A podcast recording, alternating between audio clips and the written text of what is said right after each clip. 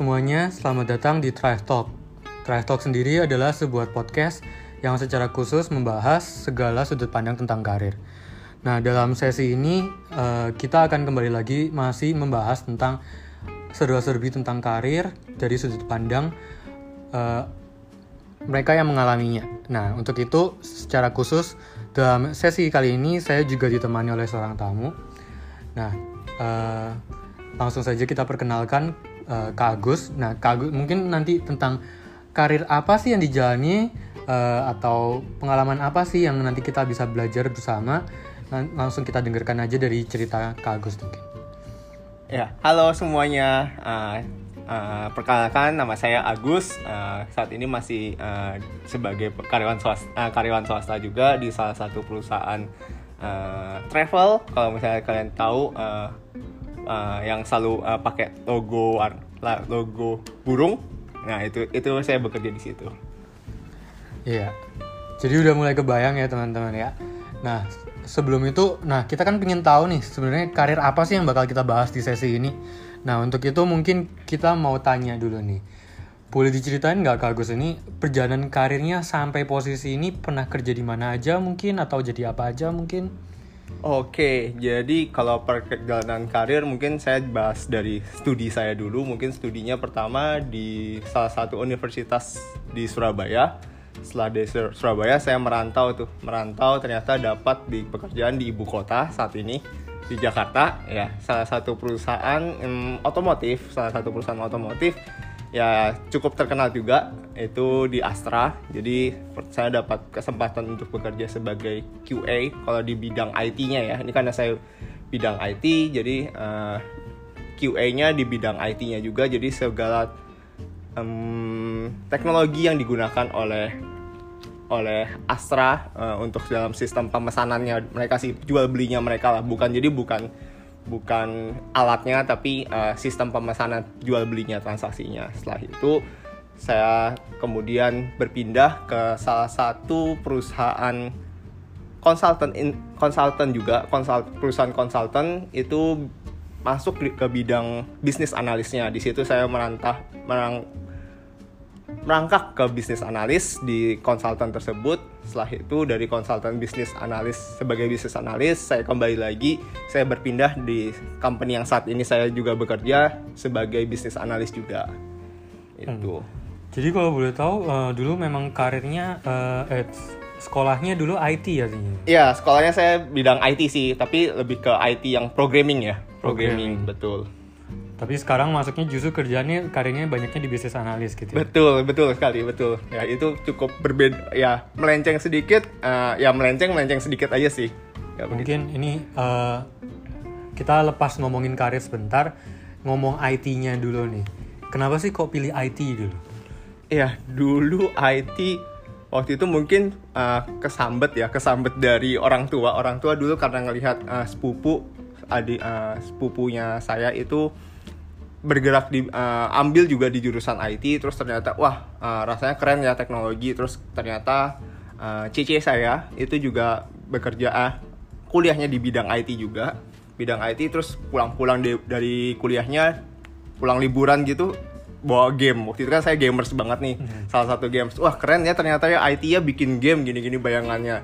Jadinya saya setelah SMA lulus lulus SMA fix sudah. Saya ngambil sambil IT bayangannya wah bikin game bikin apa bikin apa keren ya kayak gitu. Kalau sek- dulu pikirnya mau bikin game terus sekarang nggak bikin game, sempet nyesel nggak ngambil IT? ya.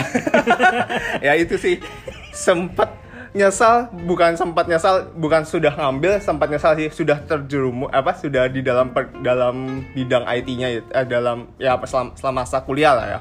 Semasa kuliah loh ini kok nggak sesuai dengan dengan bayangan sudah bidang ah, kok nggak bikin game malah bikinnya logik logika logika berpikir malah logikanya sistem itu kan terurut ya terurut gitu. Jadi kayak kita suruh kayak suruh sapi gitu ya bikin sesuatu gimana supaya sapi itu jalan. Jadi bener-bener satu persatu step by step. Jadi kayak nggak sesuai dengan bikin game gitu sih. Sempat nyesal tapi ya ini uh, setelah dilihat cukup menantang juga sih karena saya uh, orangnya mungkin suka challenge juga "Ih, ini menantang ini kenapa saya nggak bisa? Sementara cece saya tuh bisa nih.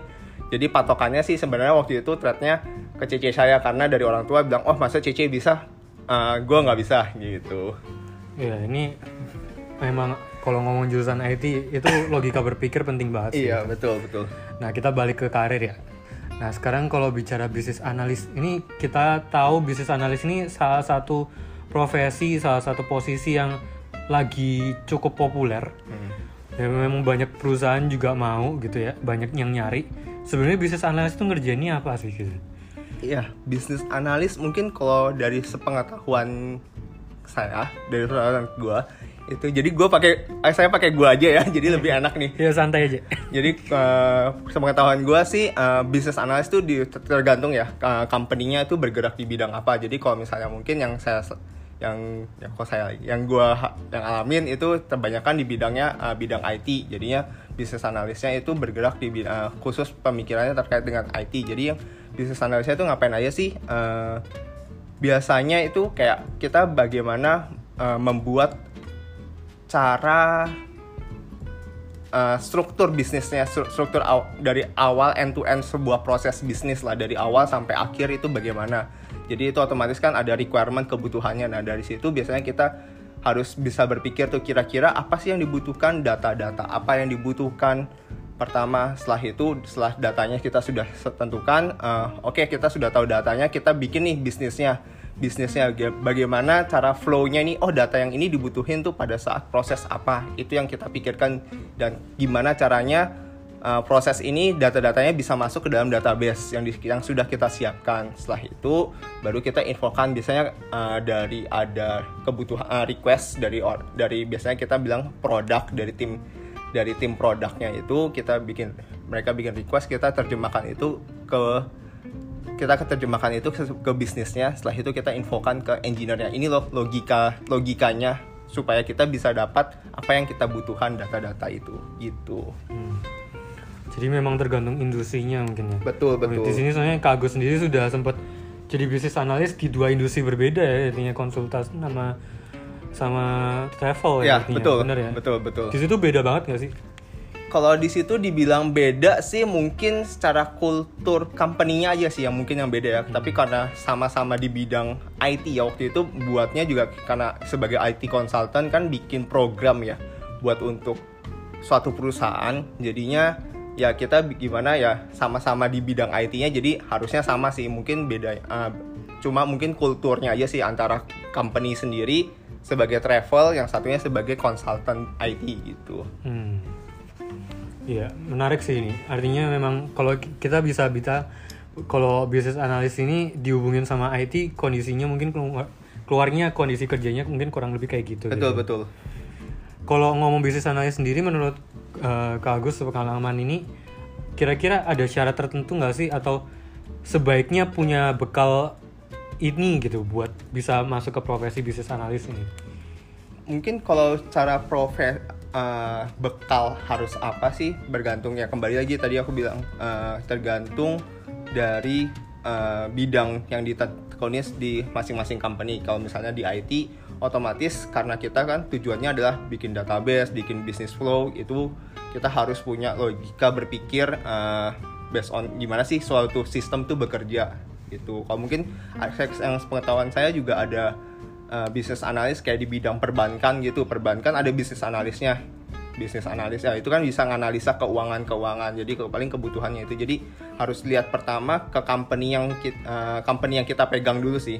Pegang yang kita pegang itu baru oh berarti kalau misalnya ke finance berarti harus ke finance eh harus punya bekal finance tapi kalau misalnya IT ya kita harus punya bekal IT. Ada juga yang kayak perbankan, oh punya butuh bisnis analis, tapi bisnis analisnya diletakin di uh, kebutuhan uh, divisinya mereka yang divisi teknologi gitu. Nah jadi oh kita harus berarti ya otomatis IT gitu. Jadi mungkin kalau ngomong bisnis analis ini cukup luas artinya. ya. Betul betul betul sangat luas. Mm-mm. Dan artinya eh, dari pengalamannya Kak Agus sendiri sendiri waktu jalanin sebenarnya dari bidang IT terus masuk ke bisnis analis sendiri juga nggak ada kendala gitu ya sebenarnya. Uh, Atau ada mungkin- kendalanya justru. ya? nah ini kalau dibilang kendala kalau misalnya mungkin eh, karena saya waktu itu eh, di bidang pas kuliah memang ada ada jurus ada apa ya mata kuliah ya mata Hmm. kuliah namanya sistem informasi nah itu sebenarnya itu bagian sedikit dari bisnis analis sih kalau di dunia kerja nah itu bikin namanya flowchart lah bikin bisnis proses bikin data flow diagram nah di situ yang kita pelajarin sih sebenarnya jadi kalau dibilang sama hampir sama tapi kalau misalnya ternyata ya ya kita tahu lah kalau misalnya yang di kuliah itu belum ten- yang kita pelajarin di kuliah belum tentu sih ada di Iya, dunia betul, kerja betul. betul. Mm-mm. Eh, artinya juga kalau bisa dibilang juga sebenarnya bisnis analis ini eh, salah satu skill yang paling dibutuhin kok dari ceritanya Kak Agus tadi eh, gimana kita buat ngolah data itu sendiri artinya kekuatannya justru di situ ya. Betul betul. Nah selama perjalanan karirnya Kak Agus nih sampai sekarang ada tantangan tersendiri nggak sih di profesi yang Kak Agus jalanin? Tantangan mungkin eh, sebenarnya kalau bisnis analis itu kalau kita ber, kalau dari gua kan kemarin pin- eh, pindah ya dari konsultan pindah ke company lain otomatis kalau bisnis analisnya itu based on kebutuhan-kebutuhan dari ri- apa ya namanya ya end usernya sih sebenarnya Hmm. kebutuhannya kan bisnis analis kan kita merancang ya merancang kira gimana har- sesuai harapannya end user tapi kalau misalnya end usernya itu bilang oh eh, begini misalnya bikin bilangnya oh bikin A. Habis itu setelah kita sudah jelaskan kita sudah bikin ternyata kita bikin sudah kasihan ke engineer. Habis itu ternyata oh berubah. Nah itu tanggung jawab tuh sebenarnya ada di bisnis analis jadi perubahan requirement kalau kita ngomongnya itu perubahan requirement itu tanggung jawabnya ada di bisnis analis nah gimana kita bisa communicate itu ke end user kita supaya bisa mengunci sih kebutuhan yang itu. Itu kalau menurut gua sih itu tantangannya sih sebenarnya. Iya. Di bisnis analis ya Iya. Iya, bisnis analis ini memang eh, satu profesi yang baru dan banyak yang mau juga. Biasanya banyak perusahaan memang nyari. Jadi bisa kita lihat mungkin memang mungkin ke depannya perkembangannya juga masih banyak ya di Iya, bisnis betul, analis ini. betul. Nah ini ada satu hal lagi yang menarik nih. Kalau tadi dari cerita perjalanan karirnya Kak Agus ya. Kak Agus pernah kerja di corporate artinya yang corporate besar sama di startup tempat kerjanya sekarang. Sebenarnya ada perbedaan yang mencolok gak sih kerja di corporate sama startup itu? kalau kalau itu perbedaannya pasti ada sih ya. Pasti ada. Kalau corporate mungkin kalau kita lihat kalau kayak waktu itu karena gua di Astra waktu itu kayak holding apa company yang sudah sudah settle banget lah. Jadi semuanya itu sudah terstruktur. Jadi kalau misalnya oh jadi ikutin harus ma- mau melakukan sesuatu tuh harus ikutin uh, sudah ad- apa ya SOP namanya? mungkin ya? Iya, ada SOP. SOP-nya. Sudah ada aturannya. Oh, mau melakukan apa kita nggak bisa improve sudah karena karena ke- kebiasaan mungkin kulturnya sudah terbentuk ya, terbentuk sudah yang ada orang-orang orang lama kan, orang-orang lama. Jadi kita mau improve itu kadang susah di situ. Itu yang pertama yang jadi kayak kuat lah mereka punya sudah harus ikut aturan. Oh, bikin bikin mau, mau apa administrasi ya mungkin ya. Biasanya tuh at- harus lengkapin administrasi. Itu yang mungkin ada lebih harus urut. Nah, sementara kalau startup ini kadang eh, kita melakukan sesuatu oh kalau misalnya kita bisa improve ya mungkin dari mereka karena mereka juga masih baru ya kalau masih baru ya sudah mereka oh lebih cepat ya mereka pasti berusaha untuk membuat itu gimana lebih delivered lebih cepat sih sesuatu yang lebih cepat. Nah itu mungkin eh, perbedaan yang pertama. Kalau perbedaan kedua mungkin dari eh, kalau gue bilang bisa kayak apa ya kalau corporate ketika gue ingat tuh ketika gue baru pertama masuk ke Astra gitu pas masuk ke Astra itu semuanya tuh kayak sudah eh, oke yang perlu dipelajarin. Jadi ada mentornya. Masih ada mentor Hmm. yang yang mengajarin strukturnya eh satu persatu apa sih yang harus dilakukan. Jadi kita tuh punya bayangan tuh.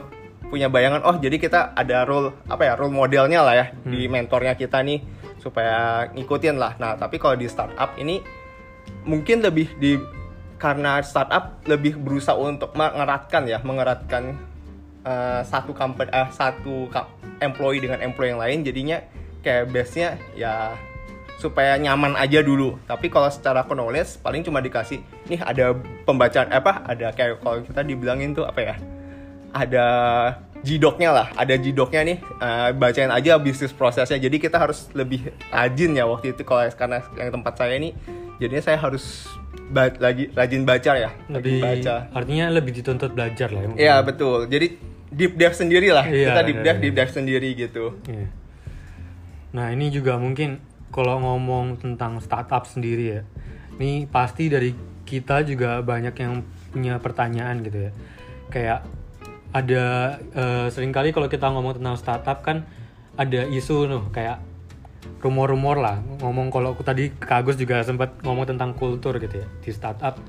Ada yang ngomong kerja di startup itu sama dengan kerja rodi. Tapi ada juga yang ngomong kerja di startup itu nyantai. Kalau menurut Ko Agus sendiri ya yang sudah jalanin Kagus ini persepsinya gimana tentang kerja di startup? Gitu ya kalau kerja di startup nggak tahu ya. Kalau saya mungkin uh, gue lihat uh, dari sisi startup yang saat ini gue gua ikutin ya. Kalau hmm. yang gue ikutin sih menurut gue lebih santai sih daripada uh, daripada uh, corp. Kalau misalnya company yang sebelumnya yang saya pernah bekerja itu kalau misalnya di saat yang di Traveloka ya. Gue ngomong aja di Traveloka kalau misalnya di Traveloka ini uh, kulturnya lebih santai karena uh, semuanya dituntut uh, ya kita based on project delivery-nya kita ya. Kita best effortnya kita kita berani keluarkan effort seberapa besar itu pasti dihargain. Jadi uh, kayak dikejar kalau misalnya di korp, uh, di Astra dulu saya itu uh, oke okay, sudah ada timelinenya dan itu timelinenya itu ngepres jadi nggak bisa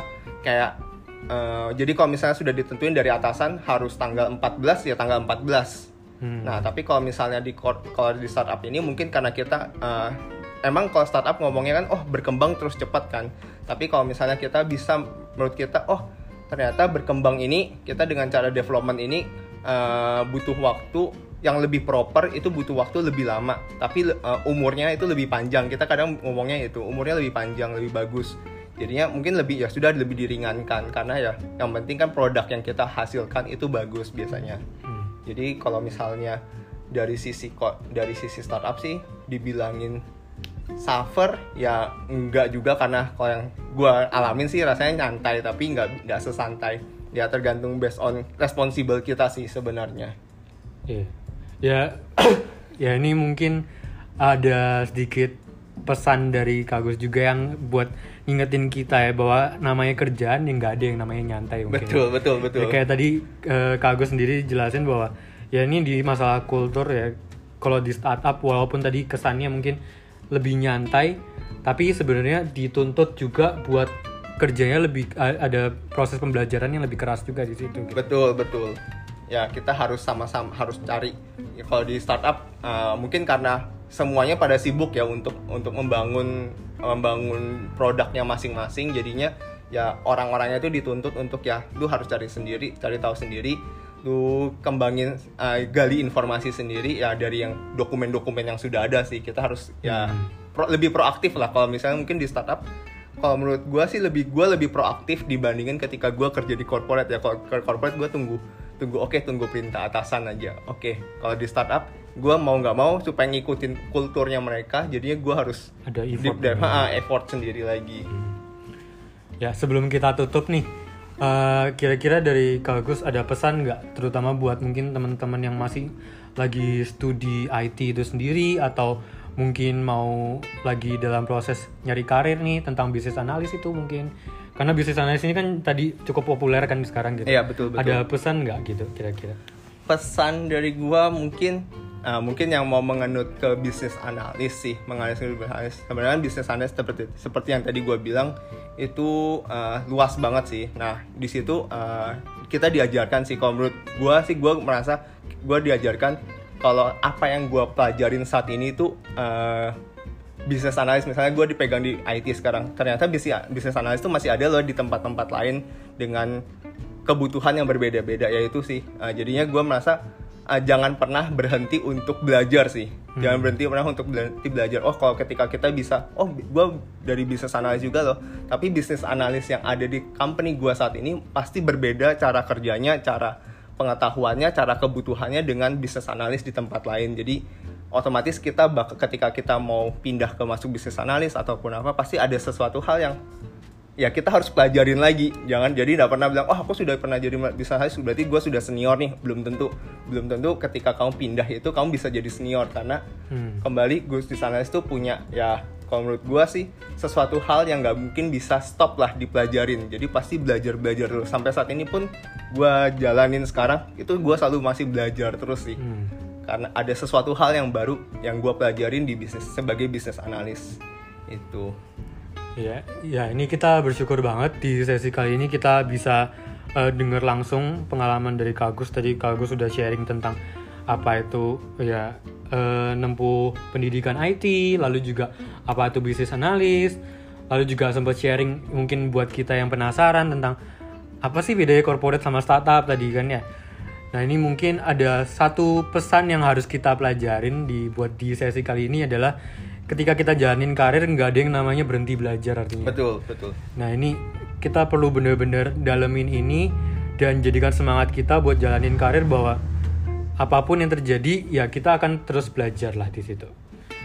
Nah, jadi uh, terima kasih banget nih Kak Agus sudah nyempetin untuk bisa yeah. Sharing di sesi kali ini. Ya, terima kasih juga sudah diundang ya. ya, mudah-mudahan apa yang kita uh, sharing atau yang kita diskusin malam ini bisa jadi sesuatu pembelajaran yang baik lah buat kita semua dan buat uh, kita semua yang lagi jalanin karir nih uh, harus tetap belajar, tetap semangat dan apa pun yang kita mau pasti kita bisa. Betul. Oke, jadi sampai jumpa di sesi berikutnya. Terima kasih sudah mendengarkan dan tetap bersemangat.